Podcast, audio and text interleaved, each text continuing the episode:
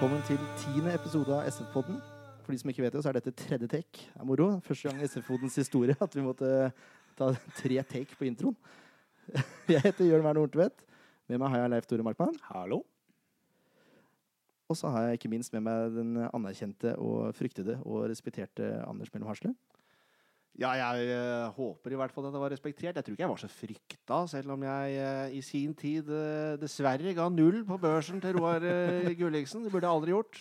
Det var hånlig, men ja, det er i hvert fall noe av det dummeste jeg har gjort som journalist. Da. Mye annet som det ble bråk av, det står jeg fortsatt for, men den nullen den skal jeg gjerne hatt ugjort. Kan ikke du bare fortelle litt kort om deg sjøl nå? da? Nå er det tre år siden du slutta i Samferdselsbladet. De tre åra de har jeg brukt på å håper jeg, virke som lærer på Tor Heyerdahl videregående skole i Larvik. Jobber med idrettselever der. Syns det er utrolig gøy å være del av et system som oppriktig ønsker andre mennesker øh, det beste. Uh, I uh, På samme måte som da jeg var journalist, så jobber jeg nå med kommunikasjon, men med et helt annet mål. Nå har jeg et ønske om å, å skape utvikling. Uh, i, som journalist så hadde jeg et ønske om å drive formidling. Spennende. Absolutt. Og det er så mye bra idrettsungdom og så mye bra ungdom rundt omkring at eh, det å være bekymra for framtida til Norge, det, den er i hvert fall blitt mindre i løpet av de tre åra jeg jobba her. Det er godt å høre. Ja, Det er godt å høre. Vi Oi, nå ble det ekko her òg, vet du. Vi skulle, du sitter klar med ti spørsmål, du, Leif Tore. Ja, jeg gjør det. For vi skulle egentlig presentert en person til her, men Ja. uh, han er ikke her. Nei, det har vel uh, mest sannsynlig kommet noe i veien. Vi skulle hatt uh, besøk av, Pål Kirkevold i dag. Men han har dessverre ikke dukka opp som avtalt. Så um, vi legger de ti spørsmåla ned, og så tar vi de ved en nærmere angitt anledning. Hvis han skulle dukke opp, så tar vi det selvfølgelig da. Det gjør vi. Det har skjedd noe på overgangsmarkedet. Ja, Sandefjord har signert en ny spiller i dag. En uh, Tønsberg-gutt opprinnelig. Uh, har vært og rota litt i hva jeg leste, både Brann og Ungdal, vel. Han har spilt i Sogndal og i Brann, og han har vært i Fredrikstad i, et, uh, i hvert fall én periode. Og så kommer han jo nå til Sandefjord fra Fram, Stemmer. fra andredivisjonsfotball. Uh, han er jo en forsvarsspiller, en, en, en klippe, men, men jeg er eh, litt bekymra for at Sandefjord er så lite attraktive på spillermarkedet at de må ned til en annendivisjonsklubb for å finne en spiller som de enten får tak i, eller som er villig til å komme til Sandefjord for å spille eliteseriefotball. Eh, meg, så vidt meg bekjent, så er Lars Grorud heller ikke kjent med å spille forsvarer i et 3-5-2-system. Eh, og det gjør at det kan nok hende at han er nødt til å ha en tilvenningsperiode. Og det er ikke det Sandefjord trenger, trenger nå. Sandefjord trenger noe som kan forsterke og, og, og holdt på å si, spre trygghet i laget. Jeg håper at Lars Grorud eh, er den personen, men det er et sjansespill eh, som jeg ja, jeg gir det ikke veldig mye, da, egentlig. Men det er klart, Sandefjord er i en desperat situasjon, og hvis det var den personen de, eller den spilleren de klarte å få tak i, så ja, jeg krøsser fingre og håper at de får det til. Har vi sikta for la- lavt, Leif Tore? Jeg er veldig usikker. Jeg er litt usikker på om vi skal være bekymra fordi han kommer fra en annendivisjonsklubb til oss, eller om vi skal være bekymra for at det er det økonomiske rommet vi har å handle i. At det er der vi må hente. Jeg er litt usikker på hva vi skal være mest bekymra for akkurat nå. Um, vi vet jo at Sandefjord ikke akkurat har, eh, har en pengebinge som er utømmelig. Eh, det vi også vet i forhold til en del andre klubber, er jo at Sandefjord eh, selv om det er et trangt budsjett, så- driver de økonomisk forsvarlig i forhold til en del andre klubber i Norge. Eh, Men jeg er litt usikker på hva vi skal være mest bekymra for. Om han kommer fra andredivisjon, eller om det er det vi har råd til. Nei, jeg, eh, jeg ser poenget ditt, men, men jeg eh, tenker at eh, en spiller som skal prestere på, på eliteserienivå, altså være toppidrettsutøver, slik Fotball-Norge ønsker at det skal være, bør, holdt på å si, for å kunne komme inn å være redningsmann. da. Kan gå til at Lars, altså, Lars Grorud har gjort veldig mye bra i Fotball-Norge opp gjennom uh, tida, de kampene han har spilt, for de laga han har gjort. Han har sørga for opprykk, uh, eller vært med på opprykk uh, i flere klubber. På Sogndal var han jo kaptein også. Ja, ja, han har vært kaptein uh, på mer eller mindre de fleste lagene han har spilt. Så han er en klar ledertype. Det er veldig flott. Veldig viktig å få inn. Men altså, når man spiller på Fram, så må han ha jobb ved siden av. Og da går det utover treningsgrunnlaget og restitusjon.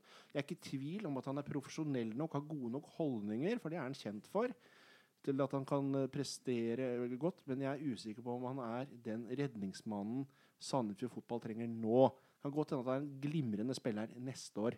Men jeg er redd for at han, eh, at han ikke er i skarp nok form nå. Og så har vi frigjort lønn også, nå som Risholt har gått tilbake til Fredrikstad. Skjønner, skal, skal vi hente flere da, eller er det det som er eh, greia? Ja, men hvis vi allerede har henta en, har vi frigjort lønn da, da? Han skal jo ha lønn. Ja, han kan umulig få lik lønn som Risholt, som var kaptein i klubben. Altså nå, nå skal jeg ikke si at jeg kan alle detaljene rundt det her, for det kan jeg virkelig kan ikke. ikke. Men, men jeg har fått forståelse av at det er ganske like lønninger ute og går i Sandefjord fotball i forhold til veldig mange andre klubber. Det er veldig jevnt lønnsnivå. Eh, så vi skal ikke jeg, jeg tror ikke det er riktig å anta at Rishold hadde en mye høyere lønn fordi han var kaptein, enn det Lars Grorud vil få tilbud om nå. Nei, jeg aner ikke. Jeg slang ut uh, en påstand. Ja, Jeg bare Der syns- tok du grundig feil. ja, det kan godt hende.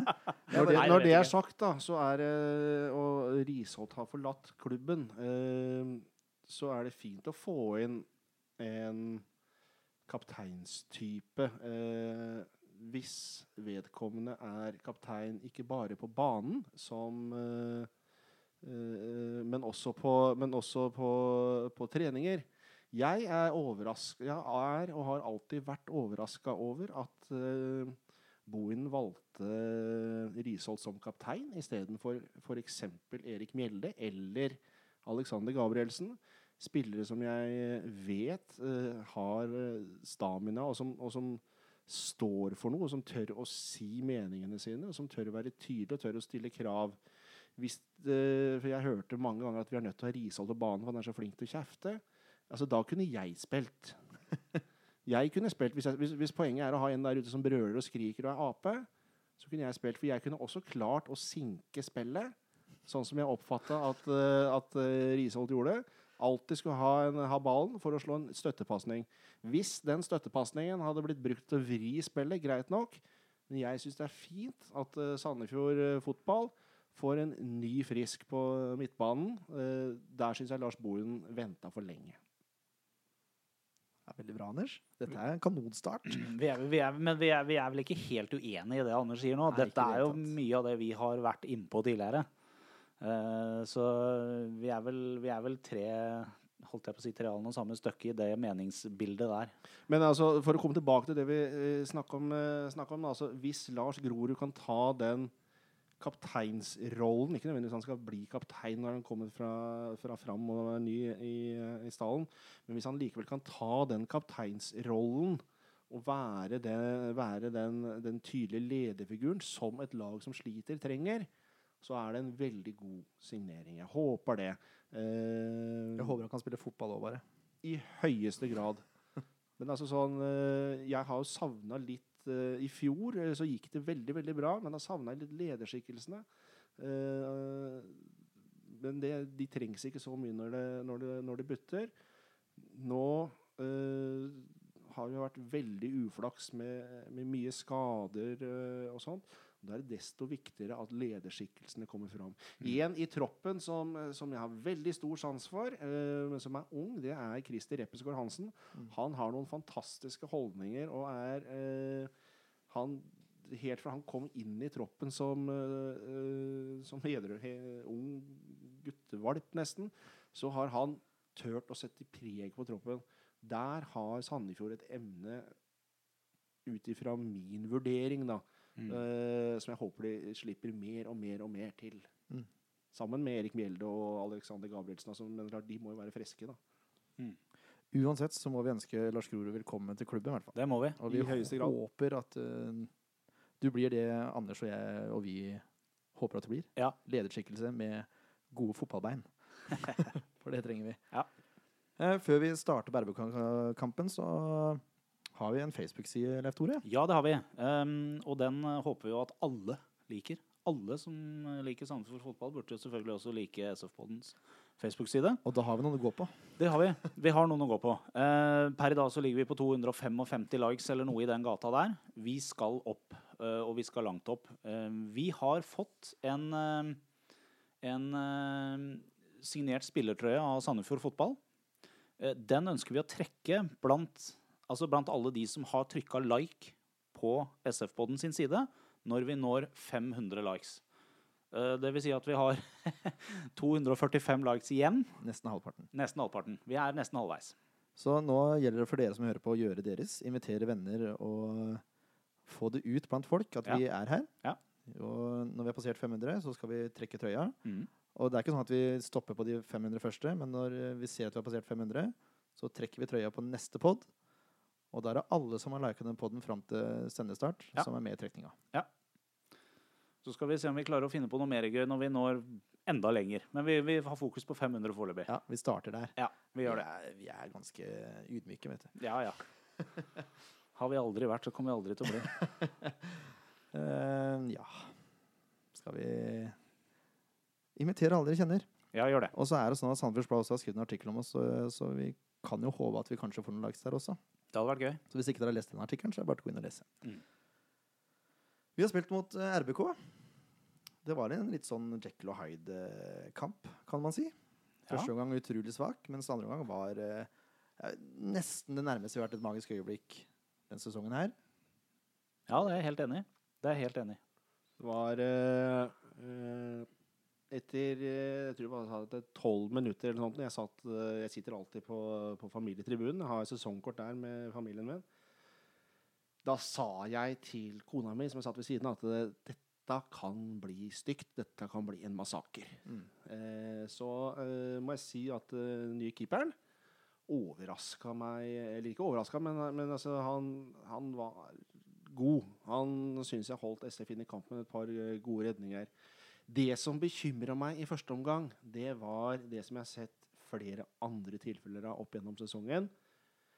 Unødvendige balltap, hvis man kan si det. Det er jo ingen balltap som er nødvendig, men altså, altså dumme balltap, da. Uh, første målet kommer som et resultat av at Kristoffer Nordmann Hansen holder ball for lenge istedenfor å slippe den. Mm. Har Jeg vet ikke om det er for stor tro på egne ferdigheter eller hva som helst, men et tåpelig balltap.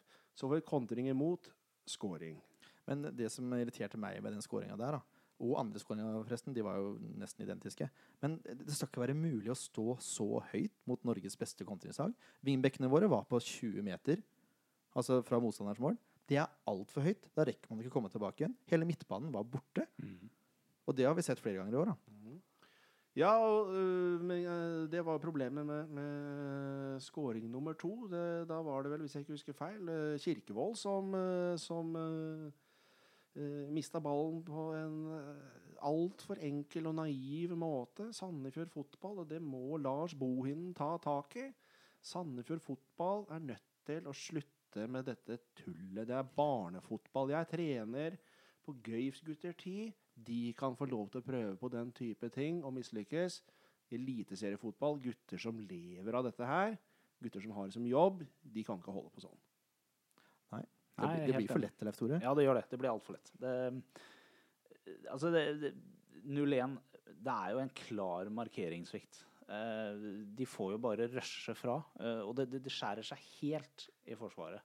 Eh, Vicky gjør jo et, et desperat forsøk på å prøve å løpe opp, eh, men, men han har jo ikke mulighet aleine. Altså, markeringssvikt og markeringssvikt, det er i hvert fall at det, når balltapet skjer så langt fram på banen, så er det en stor strekk i laget. Mm. Det gjør at det, det, gjør at det blir lett å overspille. Eh, og da, eh, da hjelper ikke at, at Vicky er eh, rask eh, og, og gjør sitt ypperste, fordi da får noen av landets beste spillere lov til å komme aleine mot, eh, mot SF-keeperen. og da Tre er mot tre. Ja, Mm. altså. Det, med store avstander mellom ledda, og da, da er det fort gjort at det blir mål, sånn som det blei. Det var én pasning, og så var eh, en pasning forbi et ledd for Sandefjord, og så var det gjennom. Altså. Ja. Mm. Så Sandefjord må i mine øyne bli mye flinkere til å ligge mye mer kompakt eh, når, de, eh, når de har eh, ball. Eh, så kan de godt ta sjanser, men da må de vite at de har sikring bakover.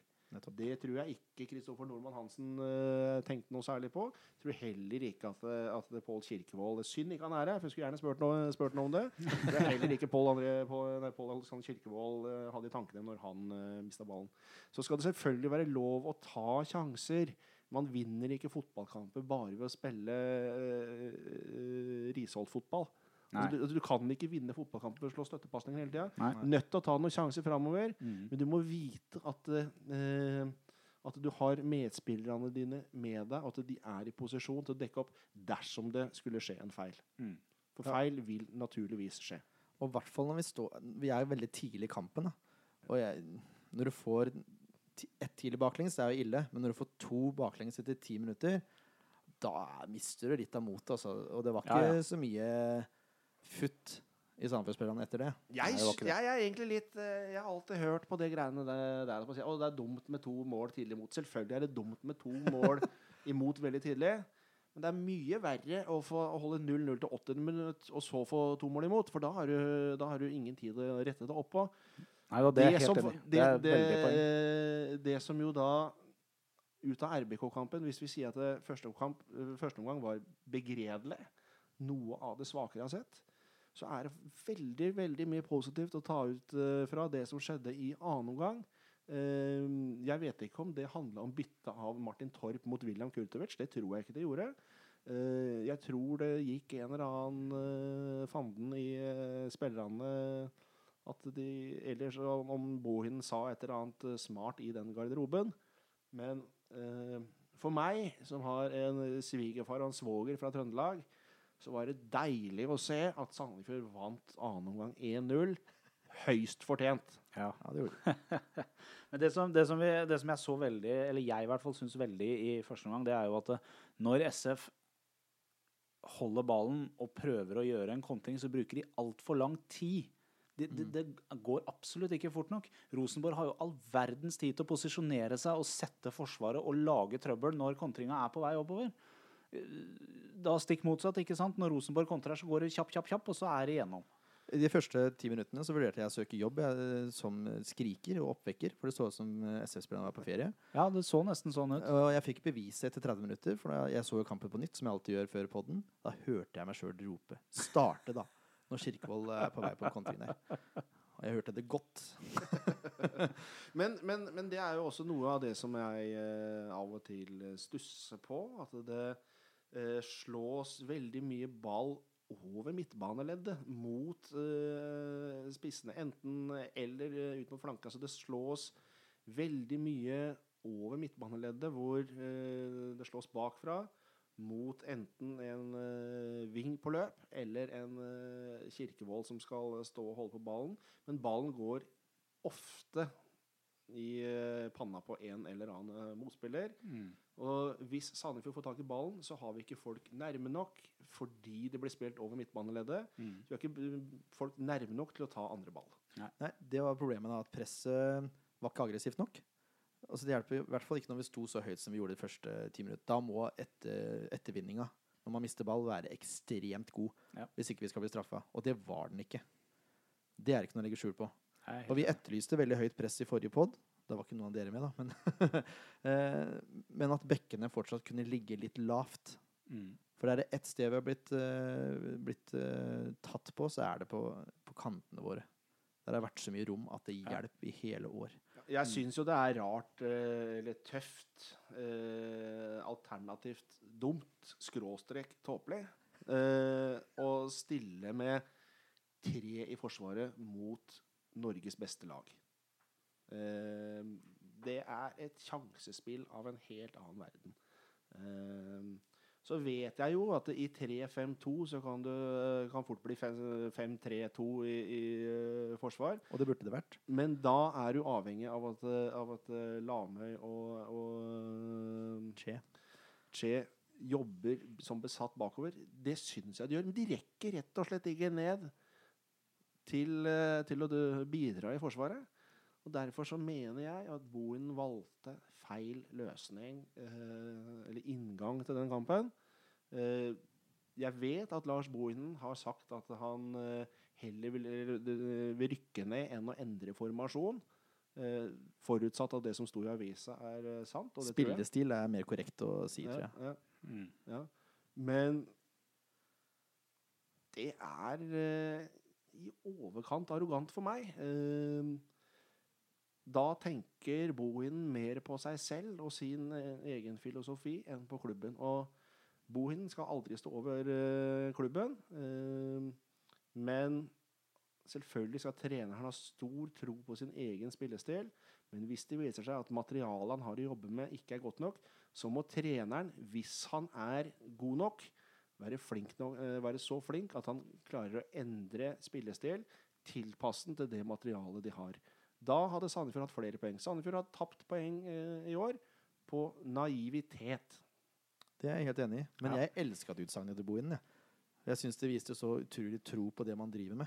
Ja, flott med tro, men eh, det viser også en gudegitt arroganse som neppe er forenlig med å eh, å si, skape de resultatene alle vi ønsker som følger Sandefjord fotball. Nei, men jeg liker god fotball òg, vet du. Det er det som er Og jeg liker egentlig arroganse òg. Jeg har Jeg er jo arrogant som rakkeren, jeg, men, eh, men, jeg, men jeg skulle ønske at man uh, hadde ydmykheten til å si at det, kan hende at det er lurt å tilpasse av og til. da. Mm. Det er jo tross Sandefjord fotball er tross alt ikke Bayern München. Sandefjord fotball er ikke Barcelona. Sandefjord fotball er Sandefjord fotball. Men du må innrømme at den måten vi spilte i første divisjon i fjor på, den skal tilsi at vi klarer hvis vi klarer å gjenskape det, da, at vi skal klare å få mer enn ni poeng i fangst. Absolutt, Jeg er helt overbevist om at uh, Sandefjord kommer til å, å ta en del poeng. Jeg har sett så mye bra fotball i år, men jeg har, sett, uh, men jeg har også sett altså, Fotballen Sandefjord spiller til tider, er fantastisk, men en del naivitet ødelegger for oss. Ja, for det, når vi gjør noe som er positivt, og det har vi jo sett i veldig mange kamper hvor vi spiller bra fotball, så fungerer det jo. Spillerne leverer, de gjør spiller bra fotball. Men når det er et eller annet som svikter, så blir vi så vanvittig straffa. Og det tror jeg handler litt om eh, avstand mellom lagdeler og eh, manglende kynisme. Ja. Eh, Og feriemodus, for det, det virka det som de var i. At det var ikke, vi er ikke konsentrerte nok fra start. Nei. Feriemodus, det kan det ikke være. Da, da må de Det så sånn. Hvis noen har vært i feriemodus, så må de faktisk eh, ut av klubben. ja, det er, det er jobben deres å spille fotball. Du kan ikke ta ferie før jobben Nei, tar men hvis du ser på det første kvarteret, Anders Ja, det var jo helt natta. Det var helt mørkt. Det var svart. ja, Det ser ut som de er på ferie. Jeg syns mer det ser ut som de har vært på fylla. Ja. Og at de, altså, bakfyll, altså, de blir stående og henge. De er for seint på. De, eh, de tenker ikke raskt nok. Det er eh, Nå håper jeg ikke de har vært det. Det tror jeg ikke de har vært. Men, men det Nei, det fungerer ikke. Enkelt og greit. Jeg er enig i det, altså. Nei, jeg, var, jeg var så irritert jeg, de første ti minuttene at jeg holdt på. Det som irriterte meg mest, da, var at uh, Rosenborg scora på en kontring, og så får de en kontring til, hvor Helland er på blank hold, men som skyter over av merkelig grunn. Det gjør han jo aldri til vanlig. Eh, og så kommer 3-0. Det skjer på 12 minutter. 2-0. Ja, unnskyld. 2-0. Men da skal man ha klart å justere, også. Absolutt. Men nå har vi snakka mye om uh, hvor dårlig det var i første Ja. Kan vi ja. ikke snakke litt om, eh, om, om uh, inntreden til, til uh, William Kurtovic? Nei, vi, vi må vente litt med det. da. Det har skjedd mer Ja. før det. Nå må du oh, ja, roe vi deg ned. vi- må være litt kronologiske her nå. Ja. Selv om du er gjest, så må vi arrestere deg litt. her, Altså. Nei, men jeg, jeg vil bare Jeg satt og så kampen på TV, for jeg var jo, jeg var jo i, i Sydenland. Um, og det er, det er noen ting som er litt positivt med å se en kamp på TV, selv om det selvfølgelig er best på stadion. Det er at det er noen situasjoner som kommer litt om igjen, og sånn, så du virkelig får sett hva som egentlig skjer. Eh, og og du, du, kan, du, du legger merke til litt mer detaljer, fordi at kameraet tross alt er noe nærmere enn det vi er når vi sitter på tribunen. Eh, jeg syns jo bl.a. at Torp slår en veldig bra corner i første omgang. Det er synd at ikke de klarer å utnytte den bedre. Uh, kred til Torp for den. Eh, jeg vil også løfte fram Dieng, som jeg syns jobber utrolig bra og skaper mye krøll for Rosenborg i store deler av kampen. Mm. han forvirrer veldig og, og gjør disse fintene sine, og han er altså så tøff i trynet noen ganger at det er, det er bare til å ta av seg hatten av hvor frekk han er. Det er gøy med en spiller som har noe i seg som du ikke kan lære. Ja. Som du faktisk bare har. Ja. Eh, han er jo en av de ytterst få Sandefjord fotball har hatt opp gjennom historien. Så kan man gjøre ting helt uventa. Mm. Det er eh, Che har vært en favorittspiller eh, for meg veldig lenge. Så syns jeg det var veldig gøy også å se Lamøy tilbake. Jeg savna farta og oppofrelsen, eh, løpskapasiteten og viljen til Lamøy. For å komme tilbake litt til Skje, bare. Det som er synd med Skje, da, at han har så mye uforutsigbarhet. Men det som skal sitte, altså basiskunnskaper som innlegg og skudd, der har han litt å gå på. Absolutt. Men det kan trene oss opp. Nettopp. Det kan trenes Det er opp. nettopp det. Eh, så Tenk har vi jo det dette, dette nesten-sjølmålet til Bindia, da. Det, vil jeg det kalle var det, vel- nesten. det var en glimrende klarering, vil jeg kalle det. Altså. Jeg er Å, veldig usikker. Det er ikke mange centimeter her før det kunne Nei, vært det er en eh, 0-3. nydelig Altså. klarering. Jeg tror ikke han, jeg tror ikke han sikta så nærme Nei, det tror ikke jeg heller. målet, men Nei. eh, nei, det er eh, det er eh, en god inngrepen hvor han har flaks og at det ikke blir mål. Men, men, men altså sjølve inngripen til, eh, til Vicky er veldig, veldig god. Ja, den er det. Ja, den er, jeg tror den er eh, avgjørende for at det ikke blir mål der. Eh, så syns jeg jo også at eh, Celine leverte en til tider bra, bra innsats i den matchen her. Vi har, jo, vi har jo vært litt på at vi helst vil se Mendy fra start, mens Ken har ivra for å ha, ha Celine på. Mm. jeg synes jo, For min del i hvert fall, så syns jeg Celine leverte en god søknad til å være mitt valg som spissmakker eh, med den matchen her, altså. For min del så leverte han en søknad at SF må hente en ny spiss som skårer mål. Eh. Ja, det mener jeg. For han har mye nesten i seg, Celine. I hvert fall på toppnivå. I første divisjon så var han god, men eh, på toppnivå så har han hatt mye nesten. Han har en greie helt på slutten av første gang hvor han er igjennom, Mm. men ikke får avslutta. Godt forsvarsspill, da, vel å merke. Men vi, vi savner den lille killeren, på en måte. Ja da, og det er jeg enig i. Men, men, eh, men jeg synes i forhold til hva vi har sett tidligere i år fra Celine, så syns jeg i hvert fall at det var noe mer, det var noe mer glød inn i den matchen her enn vi, enn vi har sett i noen andre matcher. Eh, Jeg har litt sansen for Celine. Jeg liker farta hans. Eh, Sandefjord fotball har et problem med fart. Eh, Vi har ikke nok spillere eh, med fart, særlig på midtbanen. Men det å ha jeg, Og når vi ser hvordan eh, samarbeidet mellom Kirkevold og Selin var i fjor, eh, så kunne jeg tenke meg at det fortsatte. Jeg har sett for lite til Mendy til å si at jeg vil bytte ut Selin med Mendy. Fordi samarbeidet mellom, mellom Celine Selin og Kirkevold fungerte så bra i fjor, nesten sånn telepatisk til tider, Ja. at da skulle jeg gjerne sett at de fikk lov til å fortsette med det. Jeg er for så vidt enig. Jeg bare mener at Celine mangler den siste lille. Det har jeg sagt gjennom hele podkastens historie, Ja. at han mangler liksom det siste lille Ja, da, det, det er jeg enig i. Jeg er Men jeg er ikke sikker på om Mendy har det heller. Så er det en ting som eh, Jeg får si vi, da, for det er sikkert flere enn meg som så den matchen her på TV. Det var, en, eh, det var faktisk i annen omgang så var det en, en innkastsituasjon eh, hvor det ble dømt kast til Sandefjord. Å se de ansiktsuttrykka til RBK-spillerne når, når dommeren dømte dømte Sandefjords innkast der, det var altså så fantastisk. De, de trodde bare ikke at det var sant. Det var utrolig moro. Det var ordentlig gøy. Og det var en eh, gal avgjørelse.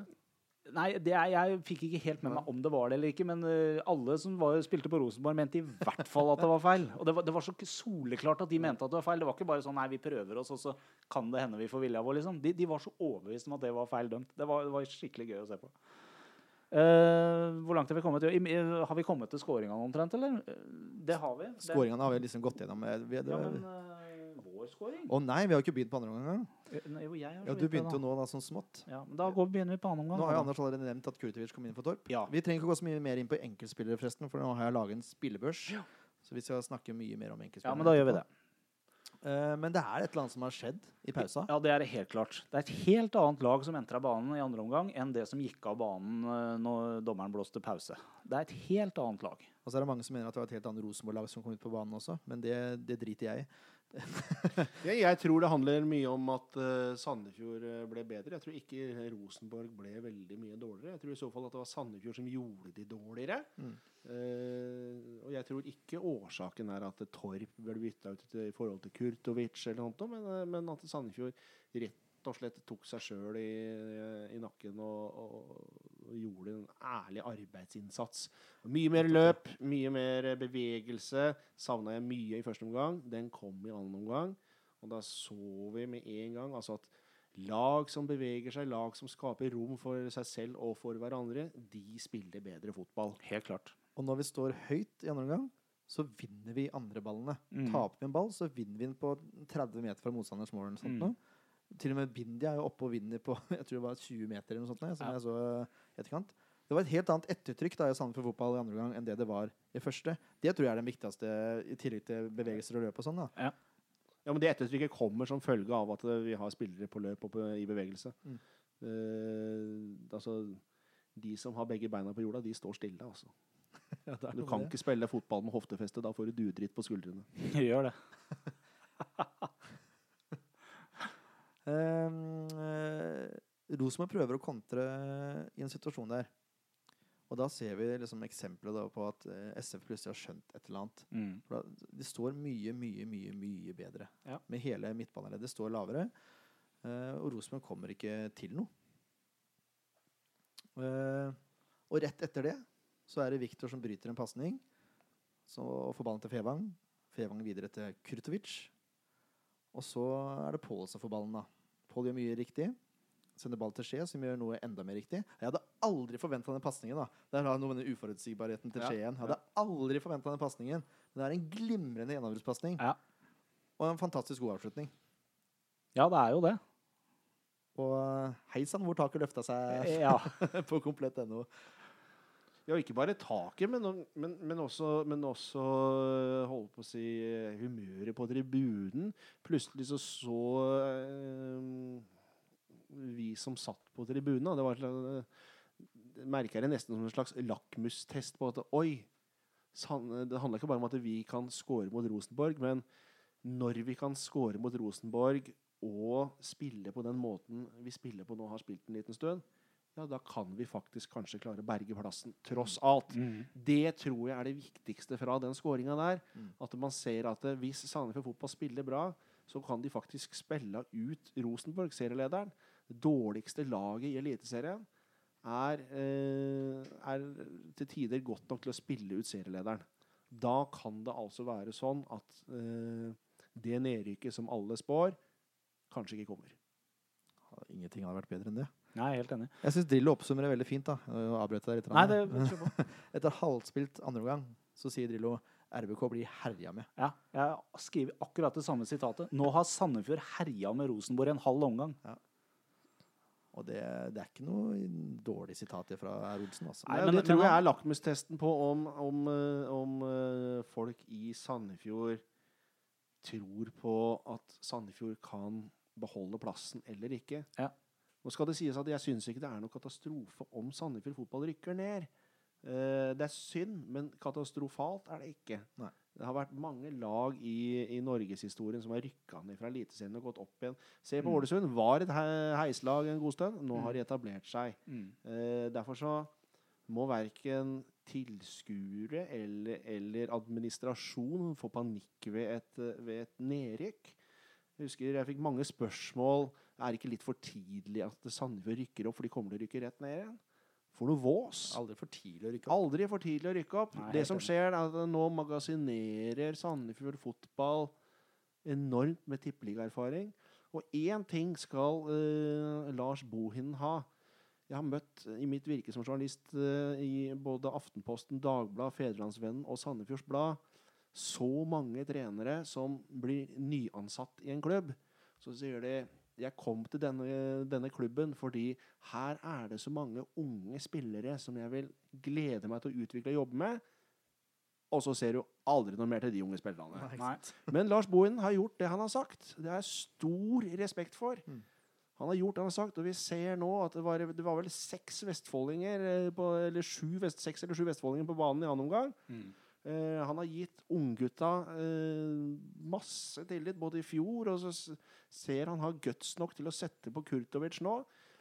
Lars Bohinen er en mann som tydeligvis står for det han sier. Mm. Derfor, og Det er derfor jeg er litt bekymra når han sier at han heller rykker ned enn å skifte spillestil.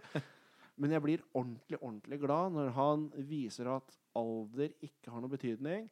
Sandefjord fotball har hatt nok av trenere som ikke er interessert i å utvikle unge spillere, men som er utelukkende opptatt av navn Mm. uh, for å få uh, poengene sine. Jeg syns det er mye bedre at Sandefjord fotball uh, bygger klubb over tid gjennom å bruke unge, egenproduserte spillere. Mm. Da kommer Sandefjord til å bli en eliteserieklubb på sikt. Men vi må ikke være så utålmodige at vi, at vi ikke godtar et nedrykk i ny og ne. Jeg er helt enig. Jeg er også. Helt enig. Gode argumenter, Anders. Tilbake igjen til kampen, da. Ja. det er en situasjon eh, litt i etterkant av dette, av skåringa, eh, hvor eh, Kirkevold blir felt. Eller han blir dytta over ende. Innafor feltet. Ja, det er ja, innafor feltet. Ja. Eh, jeg kan ikke reglene så godt, men jeg syns at det, basert på mye annen dømming man har sett, at det, det, der, den skal ikke gå ubemerka hen.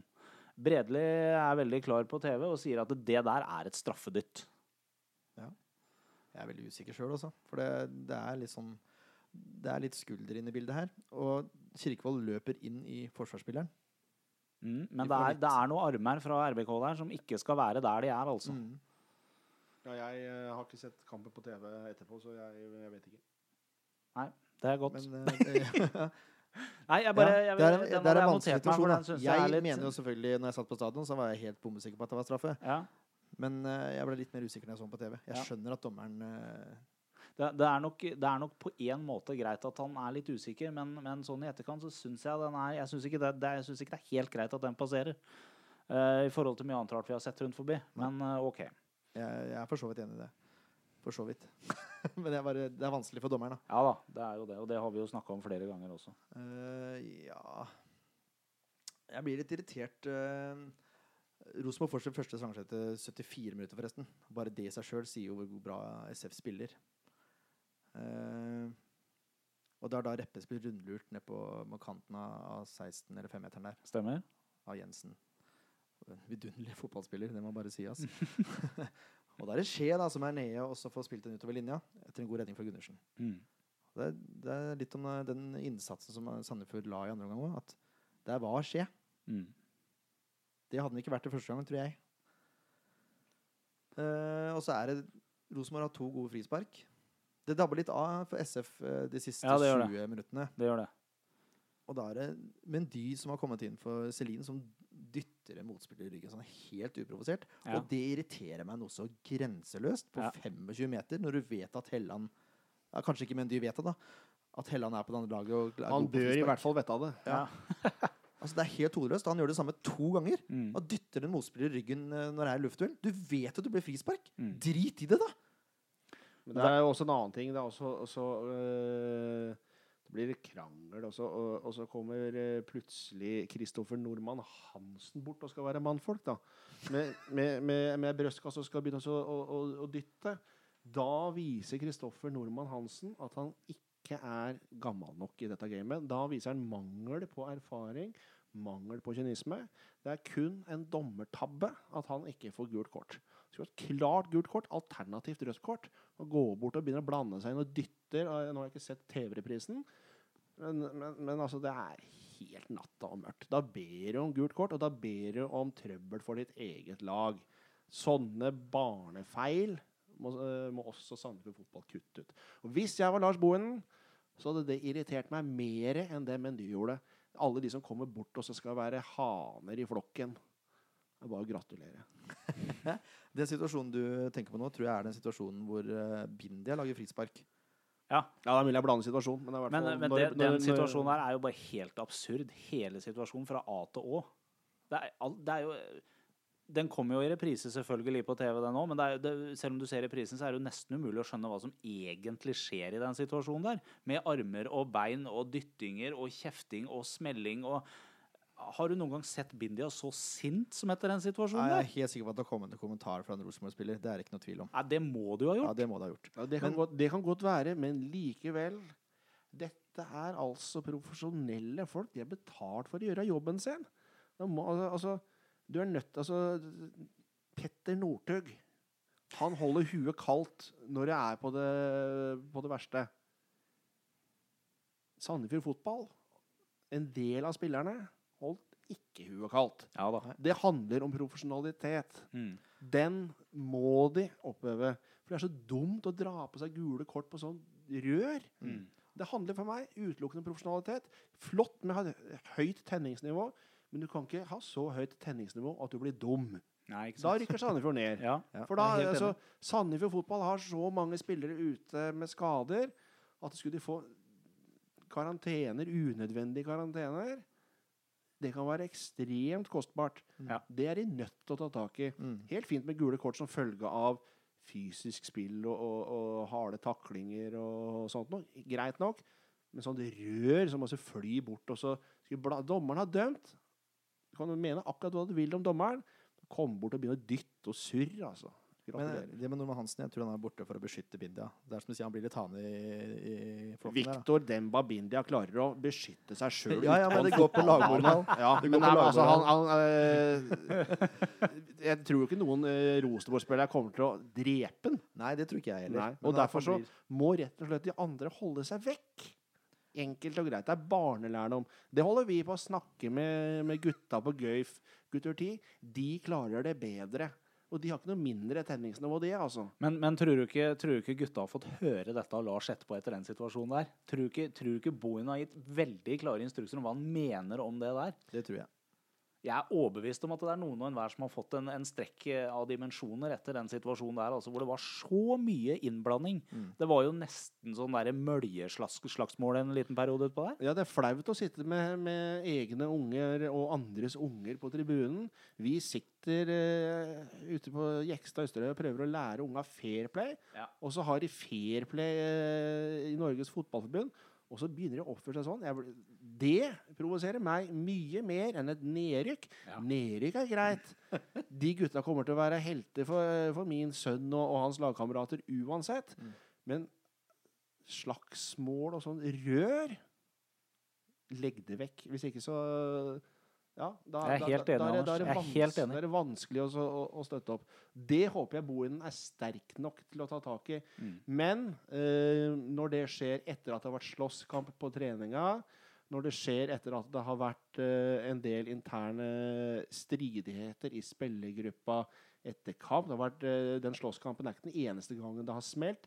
Flott at det smeller på trening, men når man bruker knyttnever, da må det få en konsekvens. Og den konsekvensen er det treneren som skal sette. Når det ikke blir satt, når, det, når man snakker ut om ting, det holder ikke. Ting må få en konsekvens. Eh, det er nesten som å drive barneoppdragelse. For hvis ikke, så, kan, eh, så vil spillerne før eller siden overta, og trenerne miste litt av autoriteten i garderoben.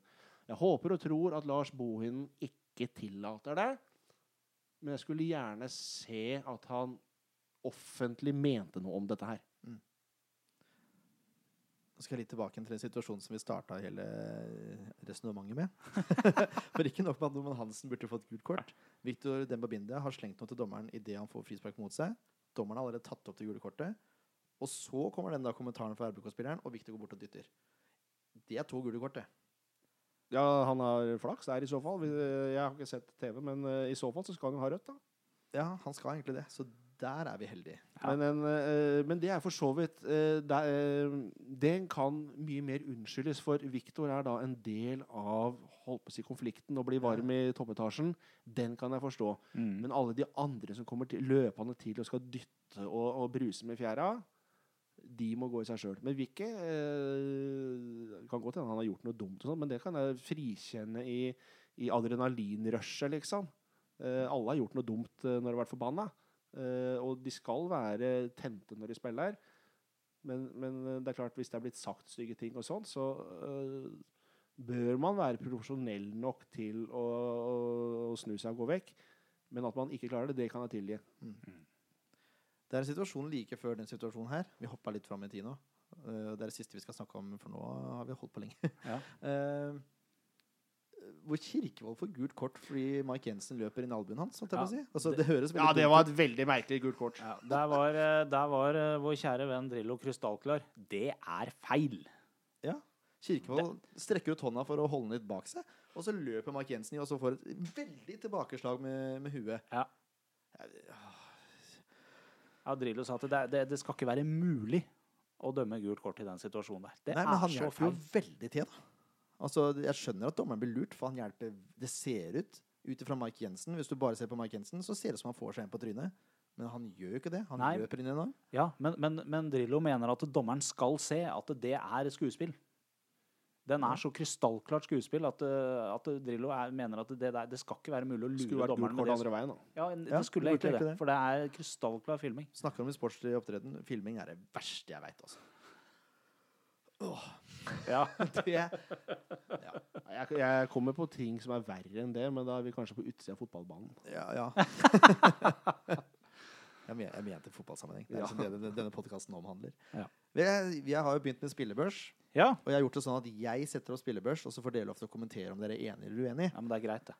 Eh, det gjorde vi sist. Når ikke dere var her. Ja.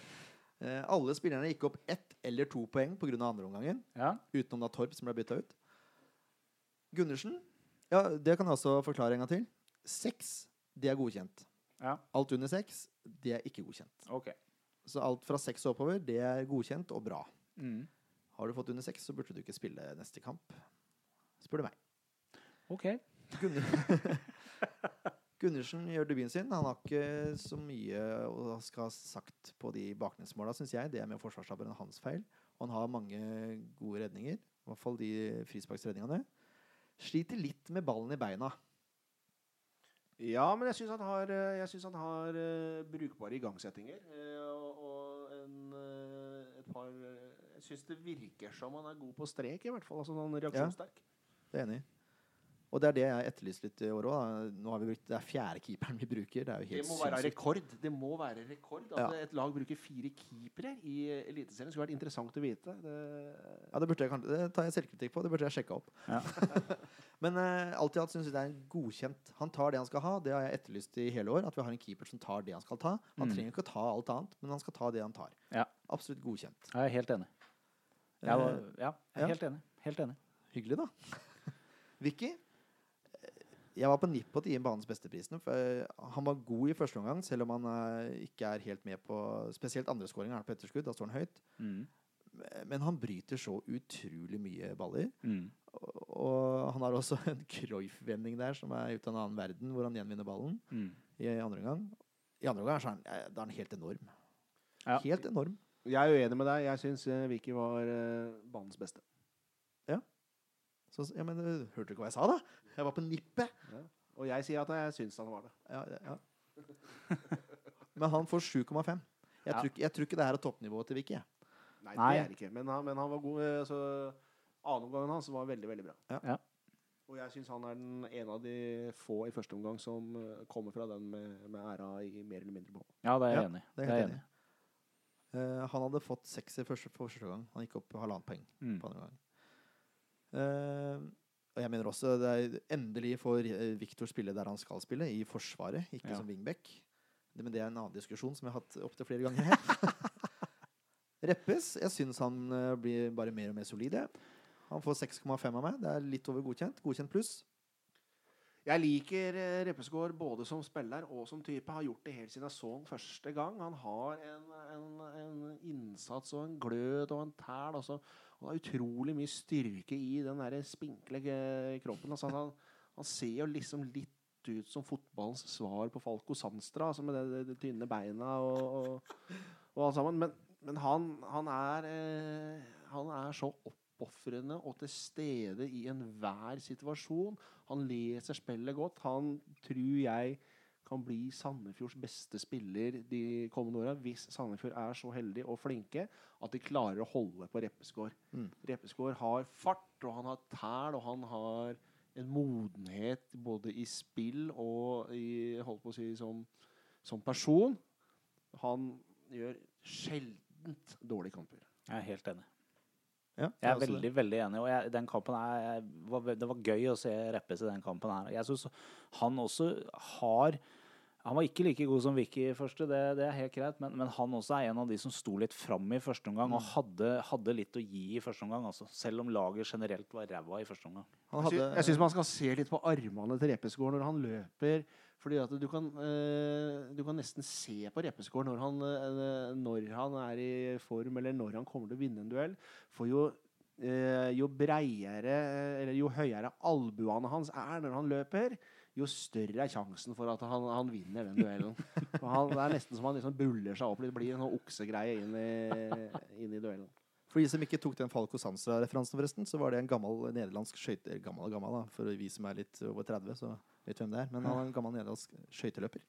Med svært tynne bein. Ja, Ja. Google han. Han var meget god, forresten. Ja, Reppes får altså 6,5. Ja. Nest beste i Forsvaret, syns jeg. Bak Viktor. Juel får godkjent, ikke mer, ikke mindre. Nei. Jeg syns egentlig Juel ikke bør spille fast så lenge vi har de andre skadefri. Mm. Ja, men når, når det er sagt, så er jeg syns Thomas Juel spiller sikkert. Jeg syns han har gode involveringer. Jeg syns han, synes han er eh, ganske taklingssterk og, og, har, eh, han leser spillet bra. Jeg, jeg er eh, ganske fornøyd med Thomas Juel. Jeg, jeg har av og til tenkt at han burde få spille mer. Da, da er vi enige om å være uenige. Ja. Eh, Skje, jeg gir han 6,5. Mm. Han har en assist, han har gode involveringer begge veier. Mm. Men jeg syns ikke Altså hva man kan forvente av Skje og ikke. Jeg, jeg syns ikke vi, han gjør mer enn det vi kan forvente. Han får pluss for assist og for at han tør å avslutte. Men eh, Ja. hadde han vært enda bedre i avslutningssituasjoner, så kunne SF fått poeng i den kampen her. Han har eh, selvfølgelig pluss for at han tør å avslutte, men de avslutningene de er så dårlige, et Ja. par av dem. Altså at keeper må stå og vente på at ballen kommer inn. Mm. Eh, det er eh, noe av det Sandefjord fotball og det, altså, Noe av det Sandefjord fotball er nødt til å bli bedre på, det er å tørre å skyte og bli flinkere til å skyte. Det er et par ganger, eh, jeg husker ikke alle situasjonene, men flere ganger jeg tenker skyt, skyt, skyt. Mm. Eh, altså, det blir ikke mål hvis du ikke skyter. Vi kan ikke løpe ballen i mål. Sandefjord fotball, altså du er nødt til å tørre å feile. Altså, hvis du bare skal spille på det sikre, da taper du mot Rosenborg. Da taper du, da taper du mot Lillestrøm til helga. Og de er nødt til å skyte. Og spille på det sikre, og, og, eller slippe seg litt løs, da. Det har vi Jeg tatt skal spille på det sikre, løs. det får vi gjøre bakover og, og til dels eh, på midtbanen. Men når vi er uh, fra 20 meter og innover, da må du brenne til så fort det er mulighet. Altså. Mm. Men Skje får altså 6,5. Ja. Og det, det har mye å gjøre med første gangen. Det er derfor eh, Hadde første gang vært bedre, så hadde alle fått høyere score. Bare så det er sagt. Torp får tre. Uh, jeg syns han mangler tempo. Altså. Han har ikke vært der han var i, i fjor i år i det hele tatt. Han sliter, uh, sliter med tempo. Han sliter å komme opp i press, syns jeg. Uh, og nå må han snart bevise at han er god nok til å forsvare den plassen. Men når det er sagt, da, han gjør som regel mye bra med ball. Jeg syns ikke han gjorde så mye bra med ball mot Rosenborg. Nei. Nei, det syns ikke jeg heller. Jeg syns han var uh, Sandefjords eh, svakeste. Og tempo er hans store, store utfordring. Mm. Hvis jeg var Martin Torp, så ville jeg spurt en eller annen friidrettstrener. Jeg ville, jeg ville spurt hva kan jeg gjøre for å bli raskere. Han har ikke et optimalt steg. Han er nødt til å gjøre noe med det hvis han skal eh, spille på det nivået han ønsker. Mm. Så hvis jeg var Martin Torp, så ville det vært min første pri.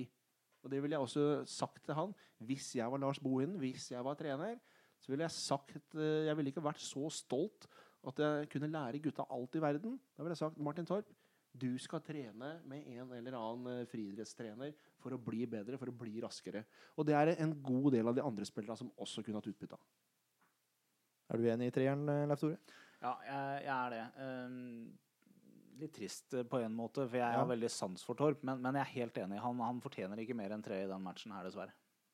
Som sagt, Normalt sett så gjør han en god del ting Ja. som er bra med ball. Men jeg, ja. Ja, for Torp har jo vært en av de som jeg i hvert fall har ment at har hatt noen av de bedre innleggene. Han har vært veldig sikker i pasningene sine. Uh, du har liksom, når Torp har slått en pasning, så har du vært ganske trygg på at den, den kommer dit den skal komme. Mm. Eh, men, men dessverre ikke i den kampen her, altså. Ikke, ikke Torp som vi, vi har sett Torp før. Men det som er viktig da, er jo at Torp har ballen, men han er ikke, han er ikke rask nok til å Nei. skaffe ballen. Er helt enig. Og derfor så, derfor så er han nødt til å Jeg veit jo Han er jo så snill som da han er lang. Altså han, øh, han er jo nødt til å bli tøffere. Mm. Få en mer fandenivoldsk eh, innstilling. Altså Jeg syns jo slåsskampen mellom Kirkevold og Mendy er utrolig idiotisk. Mm. Og det er ikke uten grunn at, det, at det Torp ikke var med i den, for å si det sånn. Mm. Uh, han er nok ikke en spiller som, eh, som blir det. Nå ønsker jeg ikke at han skal bli en spiller som begynner å slåss, men jeg ønsker at han skal bli en spiller som har det temperamentet i seg som gjør at han på død og liv skal ha ballen. Ja. Uansett. Mm. For det må man ha for å prestere optimalt. Ja, det må det. Vi går videre til en opptur da, etter at Torp var litt nedtur for oss. William Kurtovic. Fantastisk debut. Ja, det må jeg si, altså. Når du først skal debutere mot Rosenborg, så er dette måten du gjør det på. Ja, helt enig. Det første han gjør, det er å miste ballen i duell, men etter det så, så har han ikke balltap. Han, gjør jo, han slår jo også en veldig god eh, corner. Ja, det gjør han også. Veldig god venstrefot. Ja.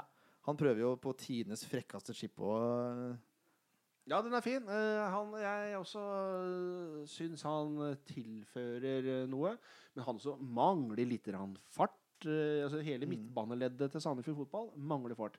Men, men eh, Kurtovic, kudos til, eh, til Bohinen, som tør å bruke en ung sandefjording, altså, eller en ung spiller i det hele tatt. Eh, og Kurtovic viser at han har huet som skal til, at han Nettopp. har nervene som skal til. Mm. Han lar seg ikke påvirke at dette er Rosenborg, og dette er landslagsspillere, og dette, dette er det ene og dette er det andre, og at det er publikumsrekord på, på tribunene våre. Han kommer inn, spiller på det han kan, og han kan mye. mm. Så liker vi, vi liker at de er litt grann arrogante. Som du sier, det er liksom I Ja, ja. don't care.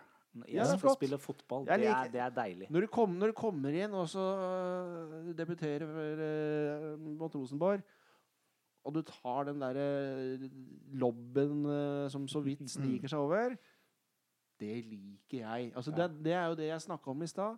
Man må skyte. Man må tørre å feile for å Ja. ha suksess. Jeg er helt enig. Messi har ikke fått til alt i livet, han heller. Ronaldo har bomma, han. Til og, med, til og med verdens mest gudbenåda eh, nordmann, Jon Arne Riise, har bomma på straffe. Oi. Ja. Det var en hard uttalelse. Ja, den var ironisk. Og det var det, ja. Ja. Jon Arne Riise er ikke min favorittspiller. Men skallen til Jon Arne Riise, den skulle jeg gjerne sett Ja. i flere av Sandefjord-spillerne. Ja. Hadde For- den vært til Martin Torp, f.eks.? Ja, ja, ja. Men altså, den, den skallen hans Han har en toppidrettsskalle. Han skjærer vekk alt uvesentlig når han er på banen. Tror jeg, i hvert fall. Han skal vinne ballen, han skal ha ballen, han skal få mest mulig ut av dette greiene her. Den skulle jeg gjerne sett at de klarte å få inn. Og det er litt rart at ikke Lars Bohinen har klart å få banka det inn i flere av spillerne. For han må jo ha den skallen sjæl. Lars Bohinen må jo være en vinnertype som veit hva toppidrett er. Lars Bohinen har eh, spilt i England, han har scora mot Italia, han har scora mot England. Det får du ikke hvis du står i kø. Altså, da må du ta ballen. Du må ville ha ballen, og du må tørre å eh, mislykkes.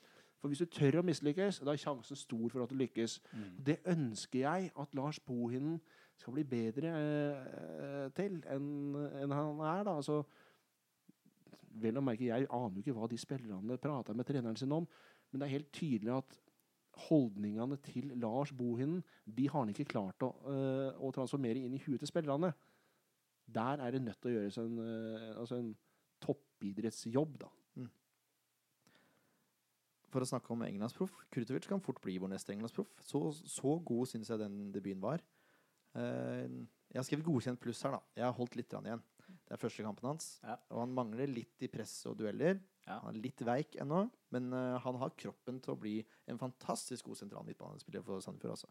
Helt Og det overblikket han har, og orientering han har når han, før han får ball, og etter han har sendt fra seg ball, er helt enorm. Altså. Ja, og han, han, han tør å gjøre det som ikke ble gjort i første omgang. Altså, han tør å gå mot mål. Mm. Sandefjord fotball i første omgang eh, ja, mer enn nok sjanser til å dra på framover. Men så du skårer ikke mål hvis ikke du skyter mot mål. Eh, Kurtovic tør det. Veldig veldig bra. Jeg synes han var lovende. Jeg håper jeg får se mer av Kurtovic framover. Absolutt. Vel å merke hvis han presterer på samme nivå. Ja. Det er en ung gutt, så vi skal ikke forvente alt han eh, Det er jo ikke Martin Ødegaard vi snakker om her heller. Eh, vi skal ikke forvente alt av han, men jeg syns det er fantastisk moro at Lars Bohin tør å bruke den type spillere. Jeg håper de har flere på lager. Kutovic får 6,5. Godkjent pluss. Ja, Helt enig. Hadde han scora, så hadde, hadde dette fort opp. Mm. Fevang eh, blir plutselig påtenkt eh, rollen som sentral midtbanespiller. Jeg var litt overraska over det, egentlig. Skal være helt ærlig, Men jeg syns han klarer seg greit, det, altså. Uh, han vokser inn i rollen. Han mangler kanskje litt aggressivitet i forhold til det han pleier å gjøre som indreløper. Det overraska meg litt. Men samtidig så har han en enorm ro med ballen. Gjør ikke mange feil. Jeg syns han er en oppgradering. Jeg, I forhold til Risholt? Ja. det, Helt det er vi vel enige om. Det er veldig deilig å ha en på midtbanen som ikke skal slå ballen bakover hele tida. Ja. Eh, en som har teknikk og medtak, en som, en som, eh, en som har rutinen og, og, og, og ferdighetene til å vende spill, altså til, til å se. Så Geir Ludvig Feivang er en av de beste spillerne som er fostra opp i Sandefjord noensinne. Eh, det er utrolig moro, syns jeg, at han, er, til- at han er tilbake i Sandefjord, Ja. og at han viser det han viser. Uh, jeg syns eh, Geir Ludvig Fevang er en fin fyr på midtbanen i denne kampen, Mm. men jeg vil også gjerne helst se en litt mer på sida, altså i en indreløperrolle. Mm. Jeg skulle gjerne kanskje likt å sett uh, Erik Mjelde jeg, på et eller annet tidspunkt i, i den eh, sentrale midtbanerollen. det lanserte vi i forrige pod, så moro, moro at du sier det. Fevang får også godkjent pluss. 6,5. Ja. Uh, Normann Hansen får ikke gjort så mye. Han har noen gode involveringer. men Jeg, jeg forventer liksom mer av gullgutten vår, som jeg Ja. kaller ham. Der skal vi si at eh, på, på TV så driver jo Drillo med disse eh, Ja, talentduellene. talentduellene, ja. Mm. Eh, og han også var litt, litt eh, lei seg nesten over at ikke Normann Hansen fikk gjort mer i den kampen her. Men Normann Eh. Hansen er også ute av posisjon. Han er bedre som, som en mer offensiv kraft på, på kant. Ja, men øh, jeg syns øh, Normann Hansen gjør en ganske dårlig kamp. Uh, han er greit å holde på ballen. Men eh, det er altså nordmann Hansen som mister ballen eh, i, på 1-0-skåringa. Mm. Eh, og som mer eller mindre da altså Han sørger for at det blir kontringer mot. Han har denne tåpelige greia i, i basketaket der hvor han går inn og dytter.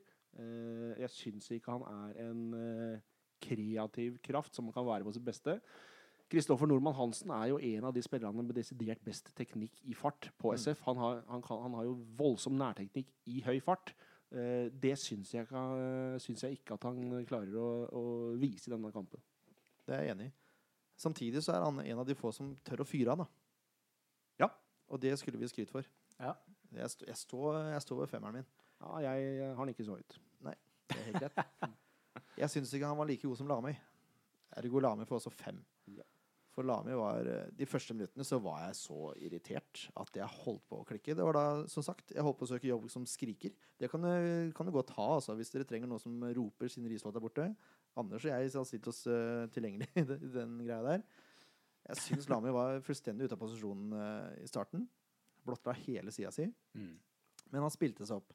Og man kan jo forsvare at han har vært ute lenge. Og i andre omgang også så hadde han jo et par løp som var eh, ordentlig Lamøy-klasse, hvor han Mm. er altså så lynkjapp at det er, det er nesten utrolig at det er mulig å løpe så fort for å ta igjen en mann, altså. Ja, han, eh, det er jo, uh, syns jeg, eh, et forbilde i, eh, i Sandefjord eh, fotball. Ikke bare Altså, han er et forbilde som person. For personen og mennesket Lamøy er bortimot unikt. Men eh, måten Lamøy til enhver tid jobber hjemover Mm. eh, Utenom de første minuttene. Da. ja, Ja, ja. Men, men, men, men måten han til enhver tid, uansett stilling, så jobber han voldsomt hjemover, enda han egentlig er en offensiv spiller. Mm. Det er en egenskap og en kraft jeg savner hos flere av de andre spillerne. Mm. Lamøy syns jeg gjør veldig, veldig mye bra i denne kampen. Eh, men eh, i starten så er han eh, litt fraværende. Jeg tror kanskje han er, rett og slett trenger å bare spille seg varm. Altså. Ja. Det, er nesten som å kaldstarte en diesel. Eh, Ja, Et eller annet sånt noe. Men jeg syns han gjør veldig mye bra. Jeg er veldig glad for at Lame er tilbake i, i troppen igjen og, og på banen. For han er en av de spillerne jeg liker aller best på Sandnes fotball. Hvis han får bedra kvaliteten på innleggene sine Han er flink til å komme ned, men det hender litt for ofte at de innleggene enten går bak mål eller ikke har riktig adressat. Når det Jeg velger å si når. Når det kommer på plass, så er han en utrolig viktig spiller for Sandefjord. Han er det. Absolutt. Uh, og det er klart at Vi har mange spillere som har uh, høy løpskapasitet, men, men Lame er helt klart i toppen. Altså. Han, ja, så er han rask i tillegg. Han ja. løper Gud hjelpe meg i 90 minutter. Han løper fort ja, i 90 minutter. Han gjør det. Men det mangler litt uh, Det var ikke Jeg syns det var ganske merkbart at han har vært ute en lang lang stund fra Eliteserien. Han får derfor ikke helt godkjent. Nei. Han var opp et lite hakk. Men det kom mot Lillestrøm, det er jeg sikker på. Ja, det tror jeg jo. Celine får heller ikke godkjent. Jeg syns han spiller en grei kamp, men uh, han er to, to, ganger er han igjennom i bakrom. Får ikke avslutta. Og så har vi da årets sjanse på komplett.no, som ikke ender opp i mål. Mm. Hvor uh, Kirkevold uh, blir blokka, og han får en halvsprett på Er det 11 meter? da? 10 meter? Som han blåser over. Jeg vet ikke om han sklir i avslutningsøyeblikket. Akkurat, akkurat, den har jeg sett i reprise på TV, og jeg syns det ser ut som det faktisk er ganske vanskelig for Celine. Jeg, jeg var helt uh, enig med deg helt fram til jeg så reprisen. Uh, jeg syns det ser ut som han får, får ballen litt uh, bak Altså forbi seg. Det, det, ser på en eller annen måte som han er dekket sjekka eller et eller annet, at han rett og slett reagerer veldig raskt. For han, øh, Hvis du ser, så slenger han beinet ut øh, Han slenger, slenger, ikke det beinet fram, han slenger det ut til høyre for å rekke å nå ballen. Så jeg syns det egentlig ser ut som en, nesten en ganske bra prestasjon at han i det hele tatt kommer på ballen. Jeg er faktisk enig med Anders. Eh, for Første gangen jeg så det på TV, så tenkte jeg dette var ikke bra. Dette skal du gjøre bedre. Men når reprisen kommer i en eller annen sånn setting eh, pga. at det var nesten en sjanse, ikke sant? Så, så er jeg også enig. Jeg, jeg, jeg syns ikke det der var ræva innsats. Altså, jeg syns faktisk han, han jobber intenst for å prøve å få gjort noe ut av det der. Ja, jeg, jeg, jeg er villig til å frikjenne der altså, Jørn. Ja, det er ikke jeg. Nei. Nei, men det er greit. Da er vi enige om å være uenige. Ja, det er vi. Men jeg, jeg syns eh, For det første har han veldig god tid der. Han er nesten aleine, så hvis han sliter med å få første touchen ordentlig, så bør han prøve å dempe den, ikke skyte den. Ja, men Det ser ut som om ballen kommer veldig overraskende på han. Altså at uh, han ja, er dekt på en eller annen måte. Eller? Men ballen kommer ikke så fort. Syns jeg, da. Ja. Jeg mener at hvis du er spiss i Tippeligaen, så må du sette de sjansene der. Ja da, og det kan vi være enige om, men, men det er jo en av de tinga som vi, vi, har etterlyst flere ganger når vi har sittet her, nemlig det at Ja, men så skyt, da. Altså Nå var det jo riktignok et forsøk på et skudd her, men altså ofte De skyter jo ikke engang. Nei, det er helt greit, det. Spissene må jo skyte. ja, jeg er enig i det. Jeg bare mener at de bør skyte bedre, også i denne situasjonen. Ja, ja, men de, de lar jo være å skyte i det hele tatt. Han legger inn en god arbeidsinnsats, det er ikke det, men jobben hans og det vi forventer han, er at han skal score mål. Ja. Og da må du se blåser hvor vanskelig det ser ut i ettertid. Mm. Jeg mener at den der skal sitte. Ja. Men jeg gir en femmer, da. Nesten godkjent. Mm. jeg syns Kirkevold var uh, Sandefjords beste. Han får eh, dog lik poengsum som Bindia, men han skårer mål. Selv om ikke det har så mye å si eh, på poengfangsten, så syns jeg det teller litt allikevel. Jeg synes han går fram eh, I første omgang så sliter han litt med touchen, syns jeg. Men i andre omgang så er han overalt. Skårer fantastisk mål. Spiller sikkert. Vinner mange dueller. Han har forarbeidet til den kjempesjansen som vi akkurat prata om. Og du var inne på at han kanskje burde ha straffe. Han er liksom involvert i alt offensivt da, som Sandefjord har. Ja, Bra kamp av Kirkevold, men ja. jeg holder fortsatt Bidia som uh, eh, SFs beste. Og jeg er enig med Anders. Uh, for meg holder ikke at en spiss skårer mål for å bli banens beste. Altså. Nei, men for å si det sånn, Han gjør alt som Celine gjør og mer. Ja. Og han skårer mål. Ja, men allikevel så Jeg tror Anders og jeg er enige i at vi, ja, det, vi vil ha Vicky som banens beste. Det var veldig jevnt. Det er det som er digg med børs, da. Ja. ja. det er hele greia.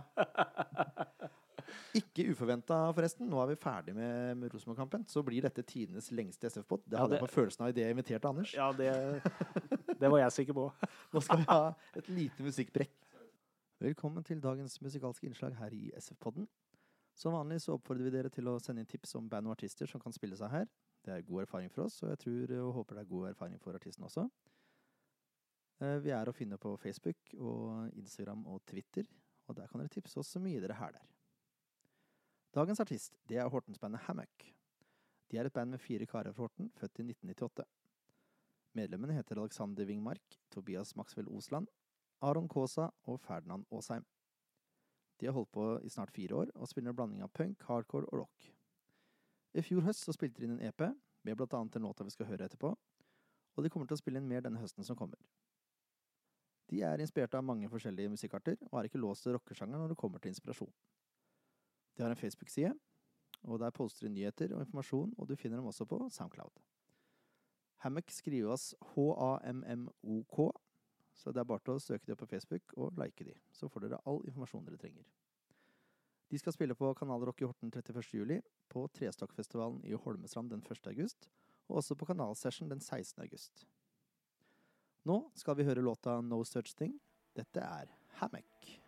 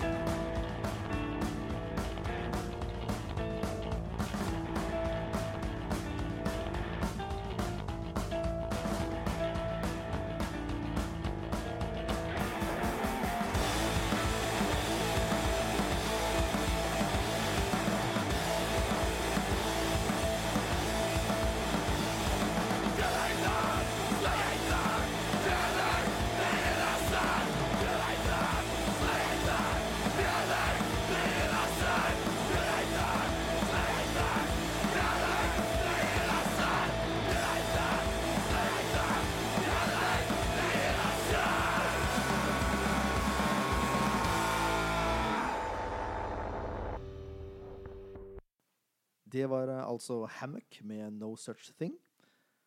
Vi får bevege oss videre til neste kamp. Det er jo Lillestrøm-kampen.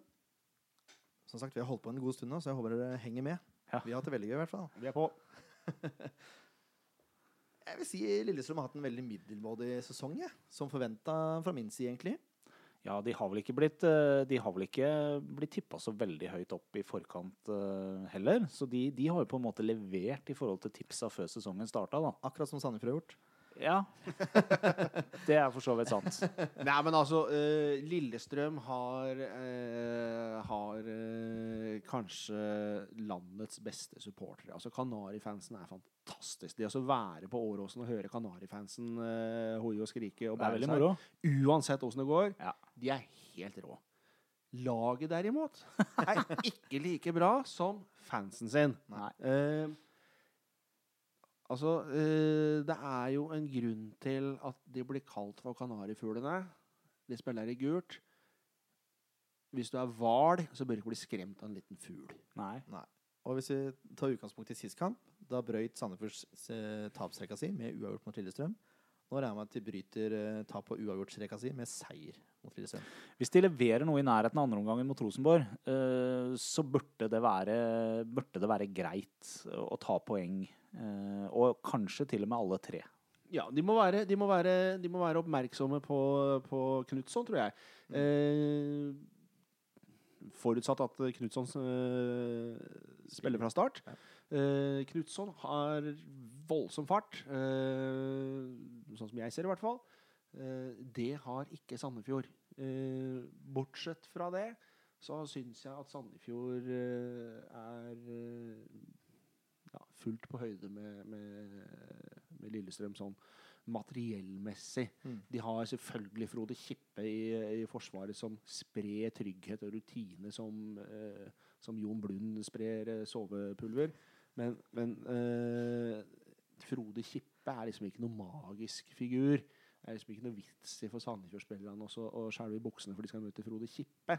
Eh, jeg tror at Sandefjord relativt uh, Altså med det blir feil å si relativt enkelt, men jeg tror Sandefjord relativt fort kan overraske Fotball-Norge ved å ta ett eller tre poeng på Åråsen. Og hvis du, som du nevnte, Leif Tore, at hvis vi spiller som mot Rosenborg i andre omgang Hvis vi klarer å gjenskape det greiene der over 90 minutter, så får vi tre poeng. Ja, det er jeg helt overbevist om. Ehm, før før eh, RBK-kampen, jeg så jo som sagt dette på TV, så, så sitter jo Harald Bredli er ikke han heter, og, og Drillo og prater litt. Og Drillo er ganske klar på at uh, plasseringa til Sandefjord i år, så langt på tabellen, gjenspeiler ikke kvaliteten i Sandefjord-laget. Han er ganske klar på at vi har spilt kamper hvor vi har hatt så uflaks, og det er mye av grunnen til at vi er der vi er.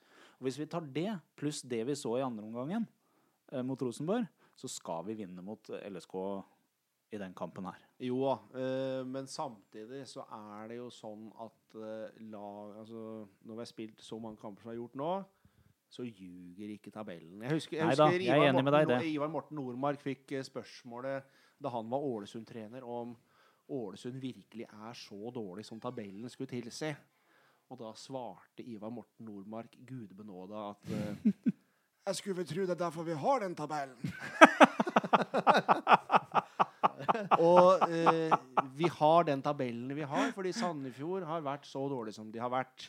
Men det er mange kamper igjen. Ja. Og hvis du ser på hva som har skjedd med Bodø-Glimt Fem strake seire. Mm. Hvorfor i all verden skal ikke Sandefjord klare det? Mm. Sandefjord banka Bodø-Glimt. Det er klart Sandefjord kan snu dette greiene her. Jeg er Ja. ikke i tvil. Men da må det skje ting i spillergruppa. Lars Bohinen må trykke på de rette knappene og forberede seg eh, og spillerne på samme måte som eh, de gjør når det går bra. Og det laget vi skal forberede oss mot det Jeg har satt opp en sannsynlig lagoppstilling, sånn som jeg pleier å gjøre. Ja. Lillestrøm spiller 4-2-3-1. Det kommer man ikke bort fra.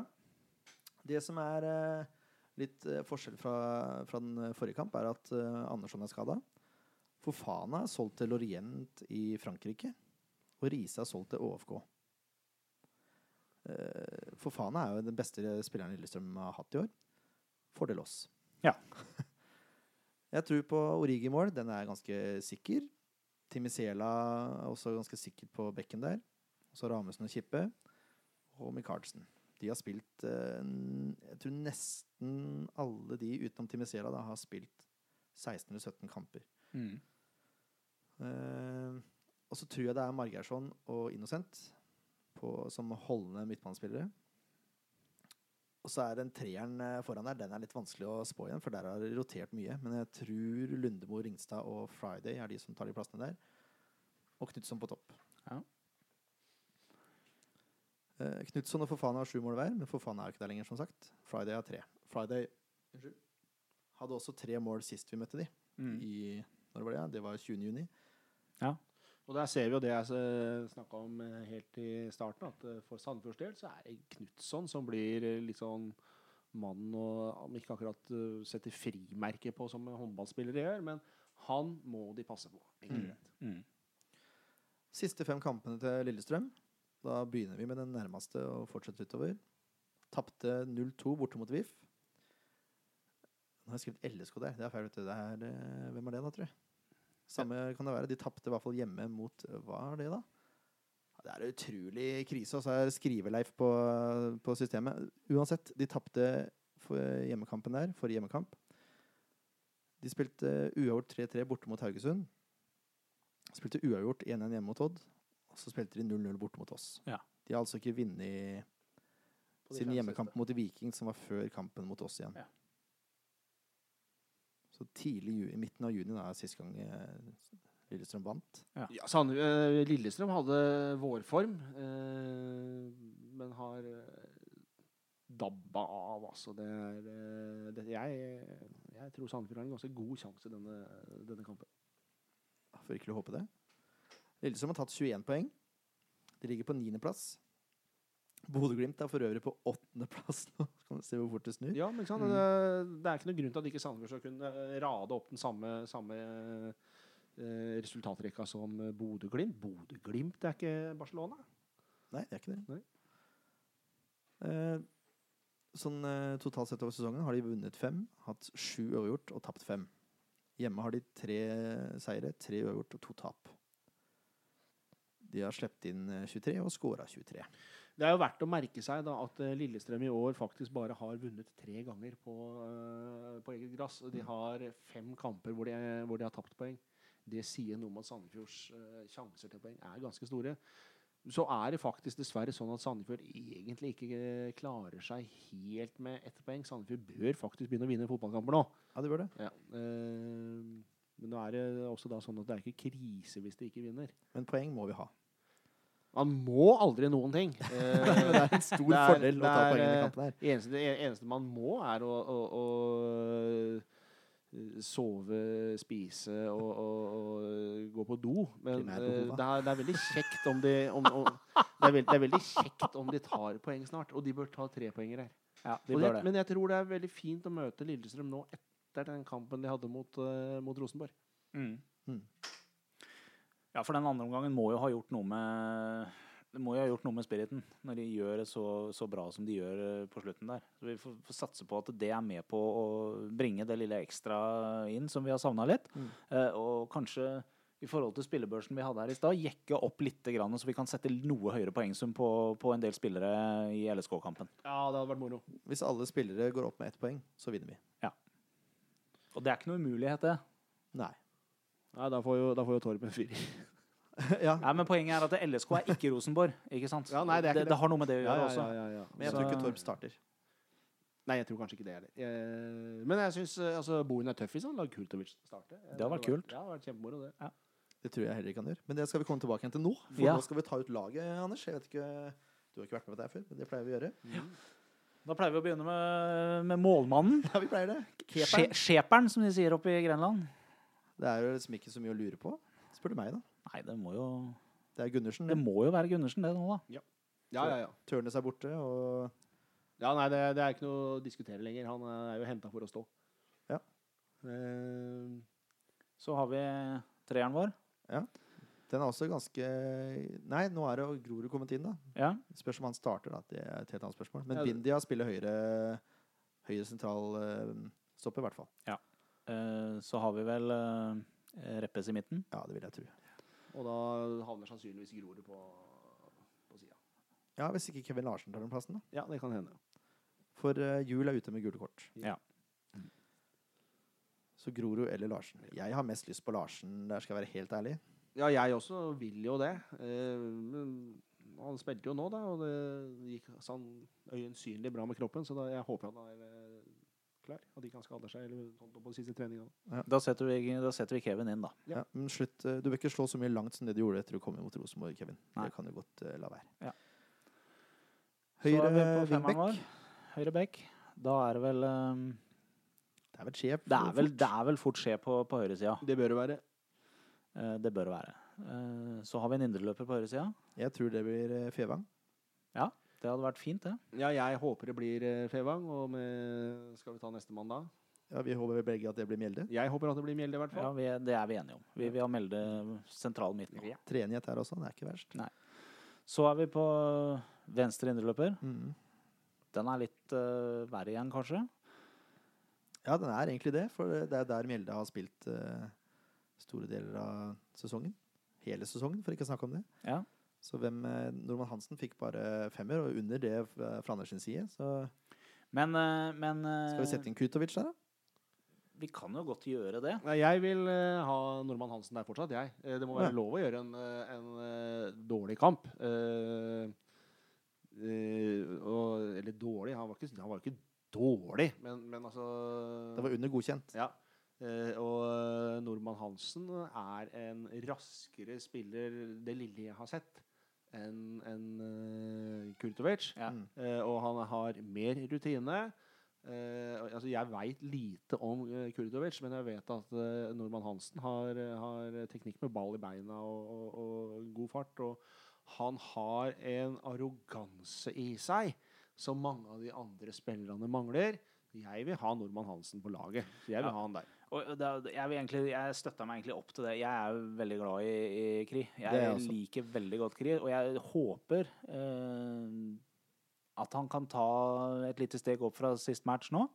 Eh, og jeg er jo litt enig i det Anders sier. Det er lov å gjøre en dårlig kamp. Du trenger ikke miste plassen din fordi om du har levert en dårlig kamp. Nei, fordi da blir du faktisk redd for å mislykkes. Altså, da, Ja. da, fjerner man, da fjerner man den muligheten til å ta de sjansene som trengs for å vinne kamp. Ja. Så eh, nei, altså eh, Man må bare erkjenne at ikke det forrige at kamp mot Rosenborg var ikke var ikke Kris beste, og da må du bare erkjenne det, og så gi ham muligheten til å rette opp det nå. Ja. Men da setter vi Kri på venstre innløper. Da, da kommer spørsmålet mitt, da. Jeg blir veldig blenda av Kutovic, så det, men det er greit. Han kommer til å starte på benken. Det er jeg enig i. Ja. Eh, men hva med da å bytte Lamøy og Kri? Åssen er Lamøy som eh, Nino Jeg tror, jeg tror Lamøy skal få lov å spille wingback eh, helt ytterst, fordi han, som vi sa i stad, han er en av de som jobber mest defensivt, selv om han i utgangspunktet er en offensiv spiller. Eh, og jeg tror det er viktig at han får bruke løpskapasiteten sin til å komme hjem når det er behov for det. Ja, og ikke minst så, så tror jeg at Kristoffer Nordmann Hansens uh, Altså, han har evnen til å dra av flere spillere enn uh, Altså, han er teknisk bedre enn det Lamøy er. Eh, så jeg tror at eh, Nordmann Hansen gjør seg bedre i den rollen, og så vil jeg ha Lamøy ute på venstrekanten. Da er jeg nedstemt. Det er helt Du er helt klart nedstemt. På topp så vil jeg ha en ny spiss. Ja. Det, det lar seg ikke gjøre, så vi må velge en annen. Eh, men det hadde vært førstevalget mitt. Har vi noen juniorspillere som scorer mye mål? Det veit jeg ikke, men det er egentlig uinteressant. Fordi, eh, fordi eh, en juniorspiller er en juniorspiller, og eh, så god er ikke den juniorspilleren. Han kan starte og debutere på bekostning av Celine, Mendy eller eh, Kirkevold. Så spørsmålet er egentlig uinteressant. Og du drar den, ja? Ja. Jeg syns det har vært veldig interessant jeg, å starte med en juniorspiss. Ja, Interessant hadde det vært, men jeg tror det hadde vært en eh, eh, spektakulær katastrofe. jo om det.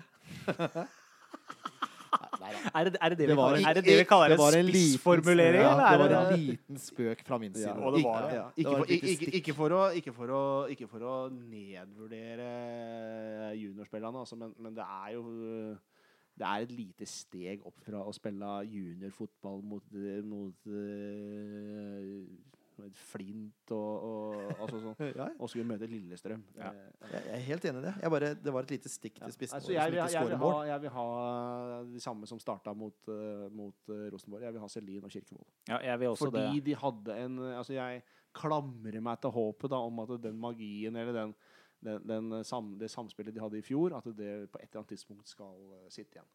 Ja, jeg, er- jeg er veldig enig i det. Og der er også er jeg litt sånn som vi nå var med Kri. Eh, selv om Celine ikke leverte helt til pari, så bør han få prøve en gang til. Også, for det bor mer i han enn han visste mot eh, Rosenborg. Det er det ikke tvil om. Jeg er for så vidt enig i det også. Som sagt. Det var et lite stikk. Og det var det, ja. Det var det, altså. Men da har vi Kirkevold og Selin på topp, da. Vi har det. Ja. Og Mendy, du må slutte å dytte. Hvis du slutter å dytte i dueller, så får du ikke frispark imot, og da kanskje vi klarer å skape noe, hvis du kommer inn på etter hvert. Ja. Da skal vi Vi nærmer oss å runde av. Så vi må avslutte med resultattipset fra hver og en av oss. Ja. Begynne med deg, Leif Tore. Ja. ehm, jeg vil at de skal vinne. Eh, jeg tror at de kan vinne. Ehm, kanskje ikke spektakulært stort, men eh, la oss si det blir 1-2, da. At vi tar ett mål mer og, og får med oss tre poeng. Meget godt tips. Eh, jeg håper du har rett, eh, Leif Tore. Eh, men Jeg er veldig usikker på om jeg skal tippe uavgjort eller seier. Altså, jeg, jeg kan jo tippe at du har rett. Tippe tipper 2-1 eller jeg kan si 2-0, da, bare for å være uenig. Ja. Men, men, men jeg tror dessverre det blir uavgjort. Jeg har tippa SF-seier hver eneste gang siden vi starta podden. Hvor mange seier har vi fått etter det, Leif Tore? Det er ikke så veldig mange, er det det? Det er et Nei, det er par-tre ikke det, altså. stykker. Så jeg har trua på ditt tips. Ja. Men sjøl, for å bryte en barriere, så tipper jeg 2-0 til Lillestrøm. Ok. Så skal vi se om det hjelper. Ja, Og hvis det hjelper, så tipper jeg mot Sandefjord resten av sesongen. ja den er grei. Da vil jeg takke Anders for at du klarte å stille opp på så kort varsel. Det var veldig fint. Vær så god, bare hyggelig. Takk for å bli spurt. Det var også veldig hyggelig. Takk til deg også, Leif Tore. Takk til deg òg, Jørn. Så snakkes vi etter Lillestrøm-kampen. Og etter Lillestrøm-kampen så skal vi møte Mjøndalen. Og hvis vi ikke tar poeng der, så må noen gå. Ha det.